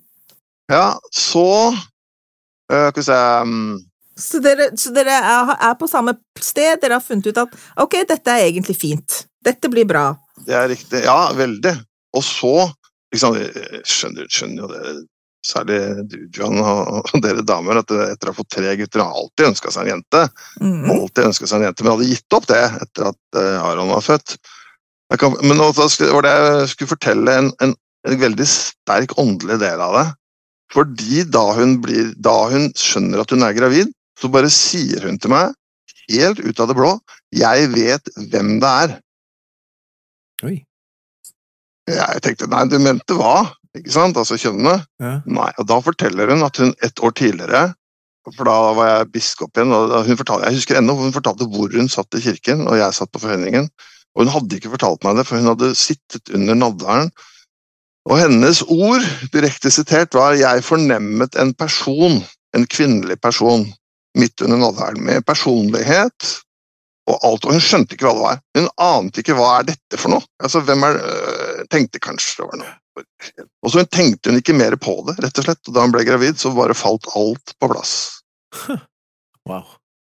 Og det um, ikke et ord skal jeg bruke, skumle er det jo ikke, men det Ja, ja. Det det, det, var jo selvfølgelig en jente, og hun er jo nøyaktig sånn som hun beskrev det. Ja. Utrolig. I tillegg til at hun ligner veldig på henne. da. Ja, det gjør Vel, veldig. Av både personlighet og utseende. Veldig. Men det var da slik at øh, Skal vi se um, Dette var på høsten, og så flyttet vi, husker jeg. Og så hadde vi ikke bodd lenge her jeg bor nå, bare noen måneder. Da var hun også syv måneder gravid. Og hun var jo 45, hun nærmet seg 46, så det er klart at hun var mye sliten og ikke, var ikke like sprek som før. Da husker jeg det var eh, en uke, det begynte vel på onsdagen, hun hadde veldig vondt i skulderen. Og så booket hun en time på legesenteret og skulle gå opp og um, bare sjekke hva det var for noe. Og da husker jeg hun fikk time på torsdagen, men så ble hun bra igjen, så hun bare avbestilte timen. Så ble det vondt igjen, så hun bestilte en ny time på torsdag og fikk time hos sin fastlege. Da. Eh, grunnen til at jeg sier det, er at hun har funnet ut i etterkant at på torsdagen var fastlegen borte, og det var en turnuslege som var der. Og vi har spekulert oss fram til at den turnuslegen hadde kanskje sannsynlig bare gitt to Ibux og sagt uh, bare Det går sikkert over, kom igjen senere. Men hennes fastlege da tok noen blodprøver. Uh, meget dyktig og dreven fastlege, uh, og så at det var noen irregulariteter i blodprøvene. Dro selv i lunsjpausen og kjørte til Rikshospitalet med blodprøvene. Eh, kom tilbake, og når jeg kom hjem fra jobb klokka sånn halv fem-fem, så satt Lena i telefonen med legen og fikk beskjed om at de hadde funnet da, altså, noe de så i blodcellene da, som kunne tyde på blodsykdom eller leukemi. Ja. Da var klokka fem, og de hadde booket, eh, de hadde booket oss inn på Rikshospitalet umiddelbart. Da. Så klokka jeg bom på noen halvtimer, men klokka halv sju så satt vi på Rikshospitalet og hadde diagnosen da, det som heter akutt lymfoblastisk leukemi. Som er veldig aggressiv. Mm. Og de ville da begynne behandling lørdag morgen og sa at det er et problem, på en måte, da, at du er gravid. For vi kan ikke gi deg cellegift når du er gravid, så da må vi ta ut barnet først, og det er to måneder for tidlig. Og da må hun ha noen sprøyter som ikke jeg kan så mye om, men da for å utvikle jeg tror det var hjertet eller lungene litt mer før, før det fødes, så vi måtte vente til søndagen. Så og det gikk jo bra, så hun ble jo tatt med keisersnitt, men det var jo mye dramatikk på en gang, for da lå hun på avdeling på blodsykdommer, og så lå Josefine, som hun heter, lå jo da på for tidlig født, for hun er født to måneder for tidlig. Nå var det, var det veldig Jeg opplever jo spesielt etterkant. Vi var veldig veldig velsignet, for det var jo ingenting feil med Josefine. Hun var bare tidlig født. Hun skulle bare spise og vokse. Hun lå på uh, tidligfødtavdeling på Rikshospitalet, som er da nasjonalt senter. altså Dit kommer de sykeste i hele landet. Uh, så jeg fikk jo se de som var tidligfødte og dårlige. Så da husker jeg det var rangert sånn at de friskeste lå med en gang, og de sykeste lå innerst. Så Josefine lå rett ved døra med en gang. Og så, de, og så begynte da cellegiftbehandling eh, på Lena. Mm. Så det var um, Ja, uh, spole hele veien. Den, uh, det var da sånn at du når du har leukemi, så er det, altså, det er jo feil i blodcellene dine, eller de hvite blodlegemene, og, de er jo ikke der permanent, sånn som en lever, en lever eller en nyre. Det er jo beinmargen som er problemet, og den produserer jo hele tiden. Og Da var det i hvert fall sånn med den sykdommen at de måtte, de måtte ha behandlet, full behandling, som er fem-seks måneder, for å bli kvitt leukemien, i hvert fall midlertidig. Og så måtte hun ha det som heter beinmargstransplantasjon etterpå.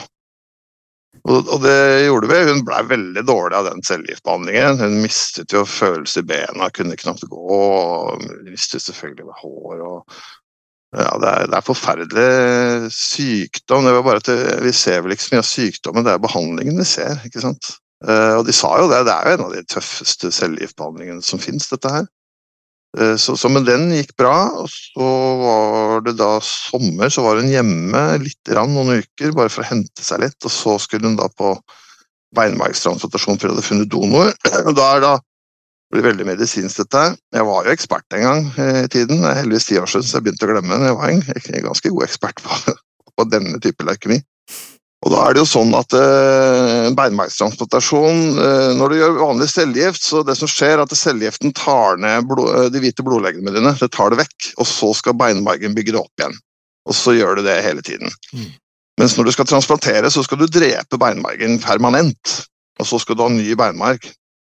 Eh, sånn at den cellegiftbehandlingen er enda tøffere. Og da husker jeg de sa at det er en, eh, 10 sjanse for at det ikke lykkes, at ikke man overlever.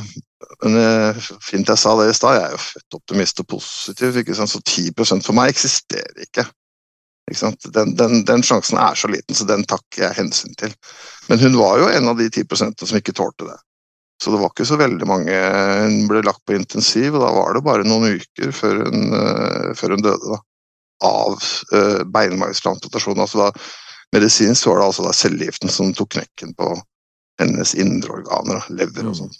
Mm. Det gikk egentlig ganske fort, og da var jeg overrasket. Da, da, fordi at uh, mentalt så hadde vi begge forberedt på oss, oss på at nå er det bare beinmargstransplantasjon igjen. Og, og den, det går jo fint, selvfølgelig. Mm. Så, så, jeg ble ganske tatt på senga. Før vi går videre, fikk hun litt tid med Josefine? Altså, ja, da, hun... ja da, hun, men Ja, hun fikk det, men hun var så dårlig at hun ja. I begynnelsen så var det stas, for da var det tar noen uker før hun ble dårlig. Men hun var så dårlig. Men det er klart, hun fikk masse tid med Josefine. jeg synes det var da, Men Josefine var jo nyfødt, og de to første månedene så sov hun jo bare. Mm. Så Fra februar til april, hvor hun egentlig skulle vært født, så sov hun mm. virkelig bare. Så ja, hun fikk tid. Eh, hun døde i september, da. Mm. Og Josefine er født i februar, så hun fikk um, syv måneder. Mm. Men hun fikk nok ikke det hun ønsket seg, for jeg husker da at hun, hun ikke sånn typisk sånn dårlig samvittighet, at hun, hun holdt henne og kunne, unnskyld, kunne ikke amme henne ikke sant, pga. cellegift og sånt, så, så, hun fikk holde henne, men da kunne det gå ti minutter, og så orket hun rett og slett ikke mer. Hun, hun måtte sove selv og hadde ikke krefter, verken armer eller kroppen. så jeg syns, hun, tror, hun syns nok det var litt vanskelig selv, at hun ikke fikk være normal mor. da. Mm. Eh, men definitivt, hun fikk tid da hun Det var det jeg er veldig glad for. Mm. Og Spesielt i forhold til Josefine, for da har vi bilder og video av henne med, med mm. mamma. da. Oi, oi, oi. Ja, Og så gikk hun bort i september. September, ja. Og da står du igjen der som nybakt pappa til en for tidlig født baby og tre andre gutter, hvorav en som vidt jeg husker er på misjon på dette tidspunktet? Ja. Oliver var på MTC akkurat når hun døde, og dro på misjon til Hellas. Og så var du biskop? Ja, var... ja biskop samtidig. Ja. Jeg må innrømme, jeg tenkte ikke så mye på det da. Altså. Nei, nei. Eh, akkurat det elementet med biskop husker jeg jo delvis, for det var jo spørsmål med en gang etterpå hva gjør vi? Og jeg fikk være biskop et år etterpå.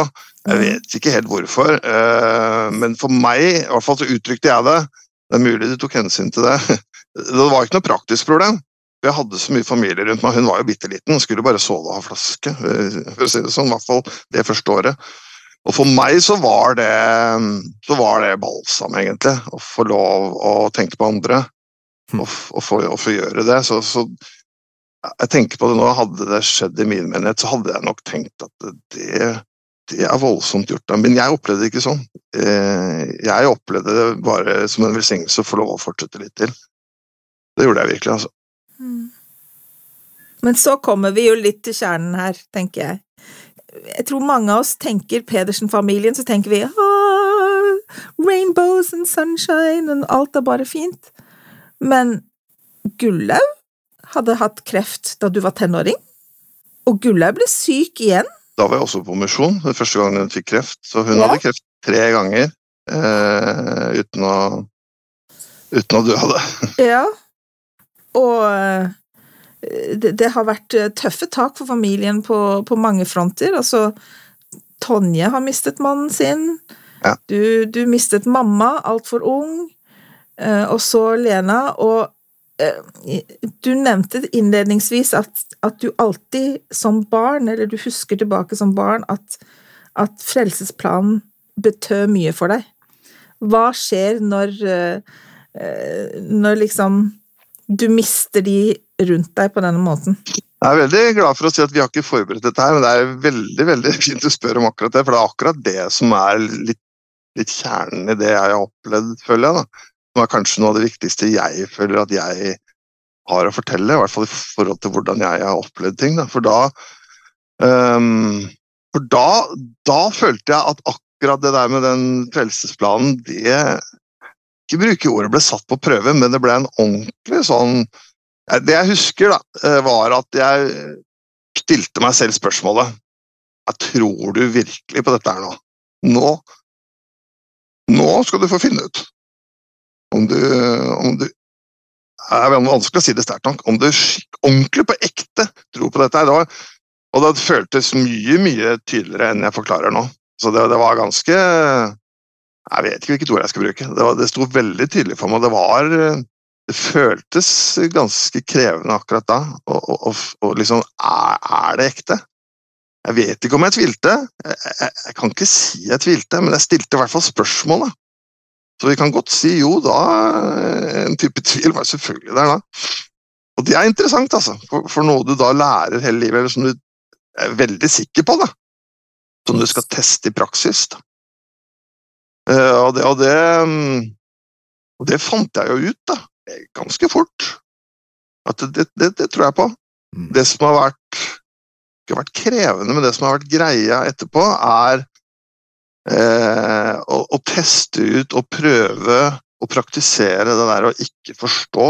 Altså spørsmål du ikke har svar på. Én ting er spørsmål du ikke forstår, en annen ting er ting som bare ikke henger sammen. altså. Eh, i, i, mitt tilfelle, da, uten å uh, Hun har ikke innmari lyst til å fremheve meg selv, men dette er nå min historie, da. Så I mitt tilfelle så, så var det jo sånn Hun har altså ønsket seg en datter i alle disse årene. Hun har fått oppleve hvem hun er. Hun, hun, hun blir født relativt på en mirakuløs måte. Og så skal hun ikke få oppleve det! Mm. Jeg var vel til dags dato til dels det mest hjerteskjærende jeg kan tenke på. Så det var jo mitt store spørsmål. Liksom, hvorfor? Hvor, hvorfor dette her? Mm. Uh, og det er kanskje, også, kanskje den sterkeste åndelige erfaringen jeg har, og den har ikke vært sånn øyeblikksopplevelse. Men jeg, jeg stilte det spørsmålet i mange, mange måneder, og, og vi snakker altså sikkert 10-15 ganger om dagen. ikke sant? Og den der frustrasjonen av ikke få noe svar, og ikke komme noe sted. Og... Men på et eller annet tidspunkt, og det kan jeg virkelig med hånda på hjertet si, at jeg trenger altså Svaret har vært jeg trenger ikke svaret. Jeg lever så fint og er så eh, tilfreds, eller i fred med, og komfortabel med, og tilfreds med, at ikke jeg vet hvorfor. Jeg klarer det helt fint. Det går helt oppriktig. Jeg kan jo fremdeles stille spørsmålet, men det er mer for å forklare dere det, eller andre det, at det der eh, vet jeg ikke. Jeg har ikke noe svar på det, og jeg syns det er vanskelig å forklare det, men følelsen er ikke noe vanskelig å forklare. Jeg har fått en eller annen åndelig, et svar, da, åndelig bekreftelse, eh, hjelp på at jeg trenger ikke å vite det. Jeg trenger virkelig ikke det. Det er sånn ånden fungerer? Ja, det kan du si, men jeg tror ikke jeg fungerer sånn av meg selv, altså. Ja. Det tror jeg virkelig ikke. Nei, nei, ikke sant. For jeg føler at det har blitt tatt bort. For jeg kjenner jo den derre gnagefølelsen som lå der, eller verkefølelsen rundt det, og den er bare borte. Og det har ikke skjedd med tid, for det skjedde relativt kort tid etterpå, si et år eller noe sånt. Wow. Og da kommer, nå, nå er jeg litt kjappere enn dere, da. Er det lov, eller? Ja. ja. For dere har spurt meg på forhånd hva jeg definerer tro som. Det har jeg mhm. flere svar på, jeg vet ikke om jeg skal ta alle, men det er den viktigste for meg det er det der Jeg har notert meg bare. Det er å Jeg vet ikke om det er riktig, men i min verden, som er det vi snakker om nå, så handler dette om et valg. Jeg, jeg klarer ikke å forstå noe annet enn at tro må ha i hvert fall et element av valg i seg. Ellers så stemmer ikke evangeliet for meg. For Hvis det er sånn at du er eh, naturlig skapt eller har naturlige egenskaper Richard, til å ha, være troende, men du har det ikke, Johanna. Du er mye mer som stiller spørsmål. Det kan ikke være sånn, det kan ikke være sånn tenker jeg, i evangeliet. At det blir så forskjellig. Det må ha et element av valg. Vi må kunne velge noe. Det, det tilbake til det jeg sa. Det er ganske pussig å tenke på det, men den der sterke opplevelsen jeg hadde med Frelsesplanen fra jeg var liten, det, det, er, det er, det samme. Det, det der elementet av handlefrihet og valg, og det er kanskje en annen ting som du nevnte til, av, av ting jeg brenner for og som jeg har forstått gjennom mange år, denne handlefriheten, den er jeg usikker på om vi helt forstår. Jeg pleier ofte å si det sånn at uh, vår himmelske Fader har altså Han har mistet allerede en tredjedel av alle sine barn pga. handlefrihet, og han risikerer å miste mange, mange flere. Mm. I hvert fall i forhold til å være hos seg, pga. handlefrihet. Da kan man kanskje på en måte forstå litt den andre planen. Vi må jo klare å få alle tilbake. Men handlefriheten er så sentral at det er helt uaktuelt. At vi skal få bestemme selv, og vi skal få ta egne valg. og Da skjønner dere kanskje litt hva jeg mener. At tro må ha et element av handlefrihet i seg. Altså. Jeg sier ikke at det er like lett for alle, men jeg valgte nok å tro. Men så føler jeg også fordi jeg valgte det, uten å forstå, så har jeg fått en, eh, en sterk åndelig velsignelse av det ved at den følelsen ble tatt bort. Da. Det gir gjenklang, kjenner jeg. Det, det gir mening. Mm. Mm. Ja, nei, jeg, jeg, holder på å lese en bok eh, nå som heter Into the Headwinds av Terrell og Nathaniel Givens, som tar for seg dette her, egentlig. Nettopp dette her med at um, Hvordan skal jeg si det? Altså at vi, vi liker å tro at vi er så rasjonelle. Sant? Og vi liker å tro at vi tar rasjonelle valg, men vi gjør jo egentlig ikke det. Det er jo en sammenblanding av alt mulig rart. Og det er ikke eh, Spillerommet er ikke It's not a level playing, playing field. Så det elementet med valg i, i troen er, er viktig og sentral. En kort kommentar på Jeg leste også nettopp en bok, men den er en bok i forbindelse med jobben som handler om, eh, om eh, maskiner, blant annet. Altså maskinlæring, kunstig intelligens og en del sånne ting. Og der, der står det samme, skjønner du. At eh, I forhold til maskiner og oss, da. At eh, vi er mindre rasjonelle enn vi tror. Nei, vi, er, eh, vi, vi tror vi er mer rasjonelle. Vi, vi er, er- ikke det. Og, og det er er derfor i mange sammenhenger at maskiner tar bedre valg enn oss, fordi vi kludrer det til med følelser og, og bias, som det heter på engelsk. Altså Mm. partiskhet, eh, og det kan være elementer av rasisme, eller det kan være kjønnspreferanse. Ikke sant? Så det har du nok helt rett i, for det er en, det er helt, det er, dette er en, eh, en, en faglig databok som sier det samme. Ja. Og, de, eh, og de, de har basert eh, boken på, på forskning som gjelder akkurat det der med Altså, nå, vet, jeg skrev litt om det i forrige nyhetsbrev, liksom, at vi, vi vet mye mer nå om hvordan hjernen vår fungerer. da. Og, hvis du skal overføre, og det kan overføres også på det åndelige plan. Men jeg opplever i hvert fall det som jeg alltid har tro på, på en helt annen måte nå. Det gjør jeg. Jeg syns det. Vil du da si at du, at du er kommet styrket ut av det, da? Ja, ja. Selvfølgelig. Eh, og det, det er også en sånn generell ting som jeg tror på. Altså skal vi ha noe som helst utvikling og vekst, på hvilket som helst område, om det er eh, sport eller åndelig eller jobb, så, så, så krever det en innsats, og som regel så er det ganske ubehagelig underveis. Det er helt nødvendig, dette, og dette henger sammen med frelsesplanen igjen, som jeg er litt opptatt av. Da. Altså, det var derfor han sendte oss hit. Det heter jo prøvestand, jo. Mm. Eh, Vi skal både prøves og vi skal gjennom en prøve. og eh, Spørs hvordan du definerer prøve. Prøve kan være bare det å prøve noe, men det kan også være å prøves. Men det kan også være en prøve på skolen. Hvor prøven, prøven for å bestå den er om vi vil, som det står i Kostelig perle, om vi er villige til å gjøre alt det han har befalt oss. og Det er der jeg baserer dette valgelementet mitt i Mm. evangeliet for meg kan ikke stemme hvis vi alle er veldig forskjellig predisponert. Ja, vi har forskjellige personligheter, men, men hvis det er slik at det er ikke mulig for et menneske å tro, da, eh, så, så stemmer det ikke for meg. Altså, vi må Mm. kunne få lov å velge. Og det er det, er det det står, at vi skal få om vi se om vi vil gjøre alt det han har befalt oss. Jeg liker den engelske varianten. Der står det 'all things whatsoever'. står det. Det ordet er borte på norsk. All things whatsoever, ja. Mm. Husker, hus- husker dere Unnskyld, husker dere da vi var små? Der, jeg går rett fram, samme hva jeg Støtte Jeg går rett på. Samme, hva jeg, rett støtter samme på. hva jeg støter Det er det bildet Ja. jeg får i hodet da. Jeg, mm, samme hva jeg støter på, ja. Og jeg tenker tilbake på nadværsbønnen. Ikke sant? Altså at vi, at vi sier at vi er villige til. Ikke sant? Da er det jo et element av valg. At vi er villige til å påta oss hans navn og gjøre hans, ikke sant? Ingen som spør om vi faktisk gjør det, men om vi er villige til. Så da må det jo være et element av vilje inni der. Jeg har pleid å si til ungdommene jeg underviser i søndagsskolen at man blir ikke prøvd før man blir prøvd. Nei. Og jeg Nei, må si at, også når jeg tenker på din historie, så du har virkelig fått kjenne på det, føler jeg. Jeg har det, og så føler jeg jo definitivt jeg kommer styrket ut av det. Det kunne jeg snakke om i mange timer, men ja, og det, og det er litt Jeg er alltid litt engstelig for å snakke om det, for det er, det er mange mange, mange mennesker som ikke har det sånn som meg, som har det virkelig virkelig tøft, og syns dette er nesten umulig å håndtere. For det første har jeg fått en bare ta det kort, en datter som er da altså Hun er et mirakel. Dere skulle bare visst hvordan hun er. Altså, jeg pleier ofte å bruke det korte eksempelet. Altså, hun sluttet å, hun hoppet over et måltid da hun var to måneder gammel, sånn at jeg kunne sove seks timer på natta.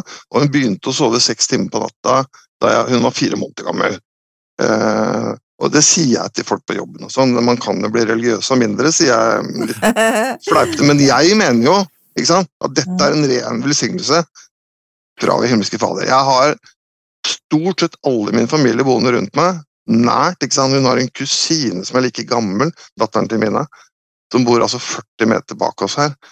Eh, Jeg har en svigerfamilie som er helt hinsides i, i forhold til å ha et nært forhold som kan hjelpe til.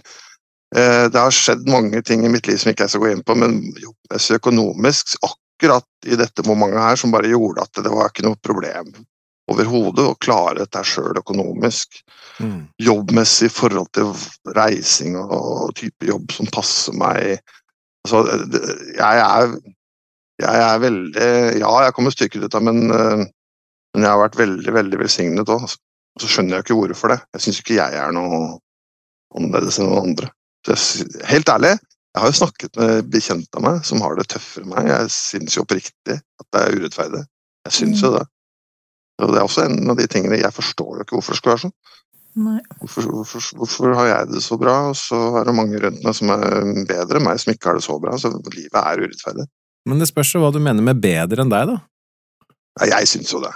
Jo, jo, men, ja, ja, men det er jo en subjektiv sak, for så vidt. Men jeg tenker, er ikke, er ikke Nå snakker jo ikke vi om de andre, nå snakker vi om deg. Eh, Er det ikke din holdning og liksom din måte å takle ting på som egentlig gjør den store forskjellen, kanskje? For, at alle, jeg, for jeg tror vi er enige om at alle må være berettiget, berettiget til å få den samme Ja. hjelpen. Men så er det, det er et element med at det, det er ikke noe Det er ingen løfter, og det er i hvert fall ikke sånn i praksis heller at dette livet er rettferdig. Nei. Gud er rettferdig, og det er mange som eh, vil eh, lide mye her, og som vil bli gjort opp for å få velsignelsene senere i livet eller på den andre siden. Det, det, er- det litt farlig å begynne å dømme rundt det, så det er, litt, det er nok litt det jeg mener, kanskje. Mm.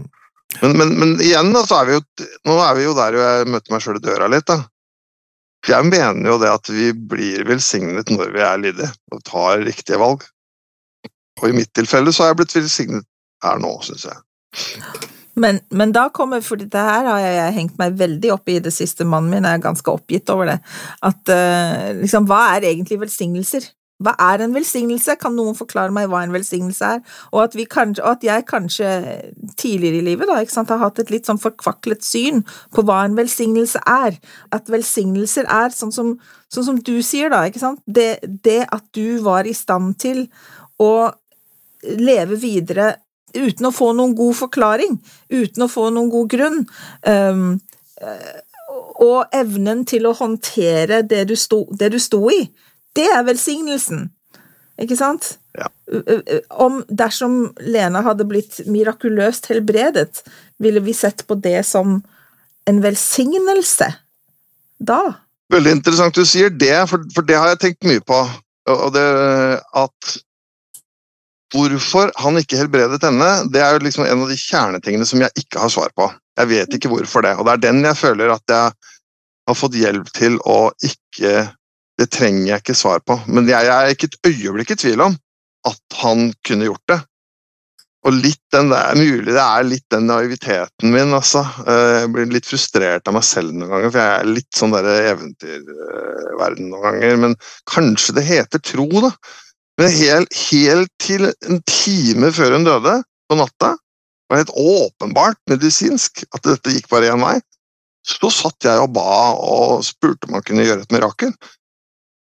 Og var helt overbevist om at det kunne han gjøre. Det kunne skje. Det mener jeg den dag i dag. Han kunne gjort det. Helt, helt sånn at alle legene hadde ikke skjønt noen ting. Det tror jeg han kunne gjort. Men eh, at han ikke gjorde det, det vet jeg ikke hvorfor. Og det er helt fine. Det trenger jeg virkelig ikke å vite. Og det er der Mm. det er litt vanskelig, for det, for det er ikke Jeg forstår og innser og er ydmyk for at det er ikke alle mennesker som, som det er bare å si til Ja, men det trenger du ikke å vite. Jeg, jeg vet ikke hvordan det henger sammen, hvordan det er med Men jeg føler at jeg ble velsignet på en eller annen måte, da. Jeg, og, og jeg tenkte på et, et skriftsted, jeg tror det står i Lærepakt 64, for det i hvert fall i lærepakter. Det står noe sånn som at over intet krenker menneskene Gud mer, og mot ingen er hans vrede mer opptent enn de som ikke anerkjenner hans hånd i alle ting. Mm. Ikke tro nå at jeg kan mye skriftsteder utenat, altså. Så dette er bare et, eh, et, tegn på hvor mye jeg har grubla på det der, og hvor mye det betyr for meg. Ja. Det der å anerkjenne Guds hånd, og så er det andre mennesker som kan le og si at det har ikke noe med det å gjøre. Men det har ingenting med saken å gjøre, for det er viktig at for meg så handler det om det. Mm. Det er min tro. Det er vel det vi snakker om, er det ikke det? Min tro er at dette har med Gud å gjøre.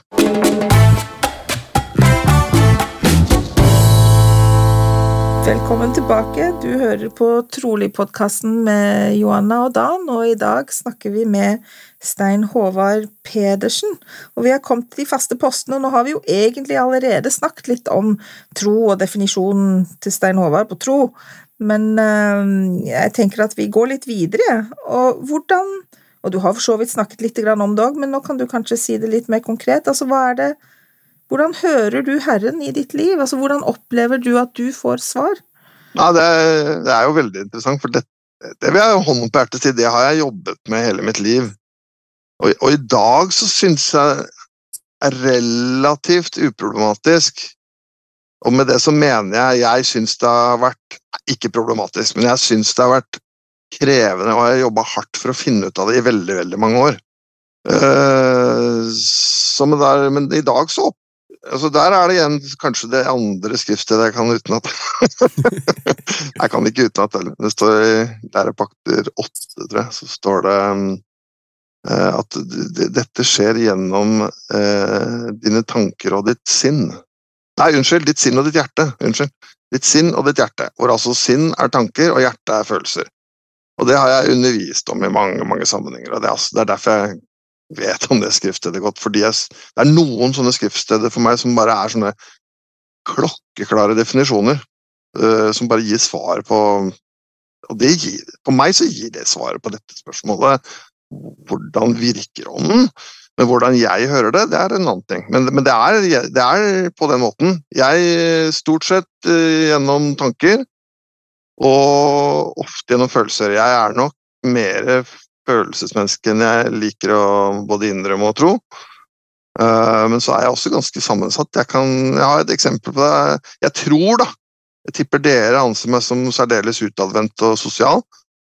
Uh, men jeg har oppdaget det gjennom ti år nå at jeg har særdeles lite problemer med å være alene. Jeg trives faktisk med det, og liker å lange perioder å være alene. Så vi ofte er Dette lærte jeg altså som hodejeger. Vi er mye mer sammensatte enn en sånn der, eh, atferdstest kan fortelle deg, eller sånne ting. Vi er, vi er ganske komplis. Så det er litt det samme. Jeg eh, blir fort rørt og er litt følelsesstyrt, men samtidig så kan jeg være eh, Så kan jeg koble meg vekk fra det hvis jeg trenger. Mm. Mm. Eh, men det trenger jeg ikke så ofte, så jeg liker det. Men det er, det er vel svaret på det. Jeg, jeg, jeg, har, jeg, vet ikke om jeg har noe bedre svar. Det er veldig vanskelig å fortelle andre hvordan, hvordan de skal høre det, men jeg hører han veldig tydelig gjennom jeg vil si også gjennom eh, minner, da, ting som har skjedd meg, hører jeg han. Og så hører jeg han helt åpenbart gjennom skriftene. Jeg vet at det er litt sånn kanskje et kjedelig svar, men det er helt reelt for meg. Veldig reelt. Og så hører jeg han, og det er jo egentlig bare en annen variant av skriftene, altså taler og spesielt generalkonferanser, har jeg jeg husker en periode, jeg gjør det enda, men jeg husker det veldig godt da, da jeg var i statsvitenskap det var vel nytt da at man da skulle begynne på noen søndager i prestedømmet å behandle temaet fra generalkonferansen. Og da var det slik at eh, statspresidentskapet skulle sende da forslag på disse temaene til menighetene. Og da var det jeg som fikk den jobben, da, av eh, Tom Atle Hærland som statspresident, å plukke taler. Og da husker jeg jeg på, begynte å høre på generalkonferanse til og fra jobb. Og det er ganske interessant. De de konferansetallene i den perioden uh, må jeg tenke litt, Det var vel 2006, 2007, 2008, 2009. De kan jeg nesten utenat ennå. og det er jo interessant i forhold til egentlig det vi snakker om, det er å høre han. For det har jeg opplevd mange jeg bare spoler litt til det da, jeg har opplevd mange ganger, spesielt da jeg var biskop, å sitte med mennesker veldig mange ganger og føle at hva skal jeg si for noe? Jeg har jo ikke noe å si. Jeg, jeg, mm. Dette her er jo mye større enn meg. Og så kommer det bare noen ting som jeg har lest, som passer inn. Og som regel, husker jeg, så var de fra de to-tre siste ukene. Jeg husker jeg hørte en gang det er vanskelig å få åpenbaring fordi det står at ånden vil minne deg på ting hvis ikke du har noe å ta av. Nei. Du må, du må Ja. ha en kilde, du må ha et bibliotek Mm. som på en måte, eller en harddisk, som ånden kan gå og hente fra. Så, så jeg hører ånden på den måten, ja. Eh, fremdeles, til dels, da, så har jeg god hukommelse. Så, jeg er ikke veldig god på skrifter utenat, men jeg er ganske god på å huske sånn cirka hva som står, og sånn cirka hvor det er. Og da finner jeg det ganske fort. Da kan man egentlig si at man kan godt forberede seg til å øh, høre ham. Ja, du er jo tankeleser, for det er jo det som står som mitt siste ord her, og det er trening. Ja. For, for meg så er det trening, og det var det jeg prøvde å si litt i stad, at jeg syntes det var vanskelig når jeg var tenåring. Jeg visste, da visste jeg det ikke engang. Og så når jeg var ung, ung mann, så, så, så jobbet jeg ganske hardt for det. Og i mange år syns jeg jeg gjorde det, og jeg jobbet hardt for det mye. Jeg husker Mm. spesielt da jeg var biskop. Jeg grua meg nesten hver gang til at jeg skulle gjøre en litt sånn større beslutning. En gang jeg skulle kalle hjelpeforeningspresident. Jeg føler liksom at dette her må du liksom ha skikkelig beskjed om. Jeg grua meg litt, for det, det er krevende. ikke sant? Og faste Jeg faster ikke hver dag, da, men det gjør mer enn mer enn hver fastesøndag. Og bare denne mentale liksom, Og så må du be, og så må du tenke, og så må du og jeg er jo ikke si det til noen, da. Jeg er jo en ganske bedagelig fyr. Jeg syns ikke alltid det er så digg å anstrenge meg. Men jeg har lært meg, men fordi jeg er voksen og eldre, så har jeg lært meg at sånn er det. Så jeg, så jeg liksom venter meg til det. Så, så det, det er min opplevelse av det er trening. Og, og, og tålmodighet, da. For det, det er jo sammen med vanlig trening, det. Du blir jo sliten. Og så Og alt i Herrens tid. Ja da. Det, er- det, er, det er et viktig element der, det jeg sa Det også. er Det, det. der å anerkjenne hans hånd. Altså. Ja, ikke sant. Men hvis det er noe ved kirken da, som øh, du hadde hatt holdt på å si, muligheten til å endre på, hva ville det vært da? Ja, den syns jeg er vanskelig. For at øh, jeg er øh, jeg, Det ligger litt i det at jeg er naiv og god på Så jeg er veldig dårlig på å stille kritiske spørsmål. Det er jeg. Og så kan man si, Det er liksom ulempen ved den egenskapen, mens fordelen er jo helt åpenbar. At jeg, jeg klarer meg veldig greit og er stort sett positivt innstilt. Jeg har notert meg et par ting. Det ene er øh, Det er en liten detalj, da. Jeg kunne sikkert svart noe bedre enn det. Men én ting som jeg godt kunne tenkt på og, og, og sett noen endringer på, er språket vårt. Det er delt i to. En indre ting og en ytre ting. Den ytre tingen er litt mer morsom. eh, Litt sånn på humorsiden. Det er, det er språket vårt. Altså, vi, vi sier så mye morsomt uh, som vi, jeg skulle ønske vi kunne tenke oss litt om på. Morsomt. Un underlig. er Ja, det ja, jeg, jeg tenker nok bare på de morsomme tingene, men det er andre ting som er bare rare. Altså. Så undersøke Nå hørte jeg nettopp at undersøke var endret, da. Det heter ikke det lenger. Og hva heter det for noe? Venn? Er det bedre? Det heter, jeg syns ikke det er bedre, men det er min mening. Men undersøker er jo snålt, hvis du hører Ja. utenfra, da. Eller da aktiv og uaktiv. Jeg har jo to gode venner som jeg ofte treffer nede i det området du bor, Dan Rikard. Og, og vi, har jo, vi omtaler jo da på humor, da, som ja, Vi sier ikke, vi sier ikke Eller medlem og ikke-medlem er det ofte vi Vi sier ikke det, vi sier umedlem. Det er, det er bare for å gjøre litt narr av Vi har litt morsomt språk. Jeg har, jeg har en kjempemorsom historie om det. da. Det gjelder jo han ene, han ene nede i Moss, da, Kjell Magne, da han var i mm, biskopsrådet i Oslo en gang, i Hekkveien. Dette er en ganske kjent historie for mange, så det er egentlig viktig at den blir spredd for flere. Han var i biskopsrådet og hadde gjort oppholdelser, og sier da ganske ordrett etterpå kan de som har oppholdt etterpå nå, møte i kjelleren før det blir satt inn. ja, ikke sant? Satt inn, Det ja. er helt, det er helt sant. Ja. Bare spør den. Ja. Og, og vi som medlemmer, så, så vi skjønner jo hva det betyr, vi. Men tenk, prøv å tenke deg litt, da. Eller bære, bære ditt vitnesbyrd, Ja. eller så, så, så det er ikke en alvorlig ting, men jeg skulle ønske vi kunne tenke oss litt om noen ganger eh, om hva vi sier og hvordan vi opptaler ting. Da. Og jeg kommer jo fra en verden, eh, IT-verden, hvor vi er akkurat like ille på det. Jeg satt nettopp i et, et møte på jobben eh, et par dager siden, og vi sitter og snakker om noe som heter PR, ikke sant? og så har vi et par nye på jobben som ikke aner hva det er for noe. Det er, eh, det er noe som heter en pull request i et eh, programvare som heter Git. Men ikke sant, alle snakker om PR og ingen skjønner hva de snakker om. Så dette er ikke bare vi i kirken som er dårlige på, altså. men jeg skulle ønske det.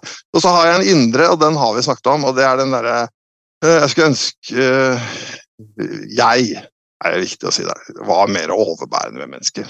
Var litt rausere. Skjønner at vi er i samme båt alle sammen. At vi, eh, at vi alle har masse feil og mangler, og synder, da. Det er lov å si det, altså. Eh, og at vi bare skjønner at det, hvis jeg er misfornøyd med min biskop, da, for jeg syns han gjør sånn og gjør sånn ja, Men hvem skal han kalle isteden, da? Ikke sant? Hva, tror jeg sjøl at jeg var så mye skjønner jeg mener? Så vi er virkelig samme båt. Vi er skikkelig samme båt. Jeg hørte på en podkast hørte på en podcast her om dagen. Det handlet ikke om at Kristus ikke var fullkommen. Ikke misforstå nå. Men det var en veldig interessant tanke hvor de sier at eh, det var vel Johannes døperen som sier han her um, omtaler frelseren som en mann uten synd. Mm. Er, er, det det samme som en, en mann uten feil? Altså, mm. Og nå mener jeg ikke uh, guddommelige, åndelige, menneskelige feil, men jeg tenker, eksempelet var da Han var jo åpenbart snekker, for han begynte jo ikke å gjøre noe før han, altså, åndelig før han var 30. Da han var godt trent. Tror du han, tror du han snekra feil? Tror du han banka tommelen sin? Tror du, ikke sant? Men jeg har ikke tenkt på det før. Jeg har liksom tenkt på Jesus som han bare Jeg er helt sikker på han banka seg i tommelen. Det er en feil. Dere skjønner hva jeg mener? så selv, selv, Kristus må få lov å være menneske, for det var han. Selv om han var helt uten synd, selvfølgelig. Mm, ja, og det er forskjell på synd og feil. Nemlig. Ja, og da skal ikke jeg spekulere i hva det ligger i der, men det var liksom det trygge eksempelet. Jeg er helt sikker på han banka seg tommelen, altså. Mm, mm.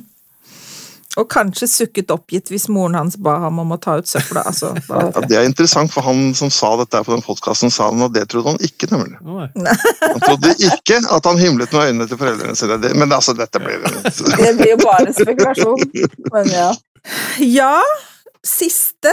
Hva er det aller beste med ditt medlemskap eller din tilknytning til kirken og evangeliet? Det er det eneste spørsmålet jeg har forberedt på før dere snakket med meg, for jeg har hørt på podkasten. Så jeg har tenkt på sånn, hva syns virkelig jeg er det beste? Og det er, det er øh, har jeg aldri behøvd å tenke meg om på. Det fins mange mange andre gode svar, men for meg så er det beste at det er sant. Det er ingen tvil. Det er det beste, og det, det kjenner jeg virkelig er det beste. Det er, altså, det er, vanskelig å beskrive. Det gir meg så trøst og så glede, og, og jeg er så fornøyd med det. Uh, og trygghet at det er sant.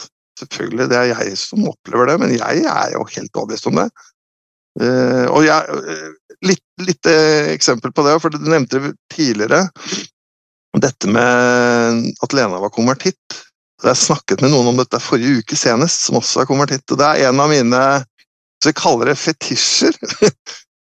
altså, det å snakke med mennesker som er konvertitter, og bare få høre hvordan de opplevde det. Jeg er så Jeg blir aldri mett av det. Og, og med Lena så spurte jeg om det. Jeg tror ikke jeg overdriver, i hvert fall hver uke. Kan du fortelle en gang til hvorfor du ble medlem? Hva var det du opplevde? Hva var det som skjedde, egentlig? Altså, mennesker snur jo helt rundt på livet sitt. Og For meg personlig så er det da en sånn greie at eh, jeg har visst dette hele livet, men her sitter det plutselig et annet menneske som har oppdaget det samme og vet det samme som meg. Så for meg så blir det en, en veldig styrking av hva jeg vet fra før, da. men at noen andre vet det.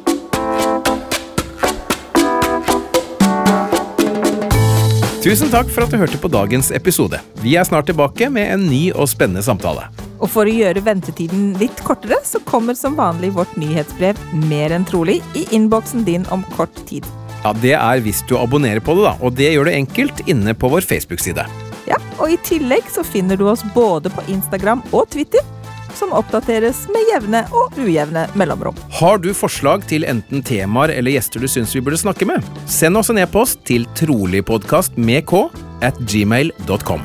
Og vi blir veldig glad for skriftlige tilbakemeldinger i alle våre kanaler. Og ikke glem at dette vil også hjelpe andre å finne trolig. Takk for nå. Vi høres!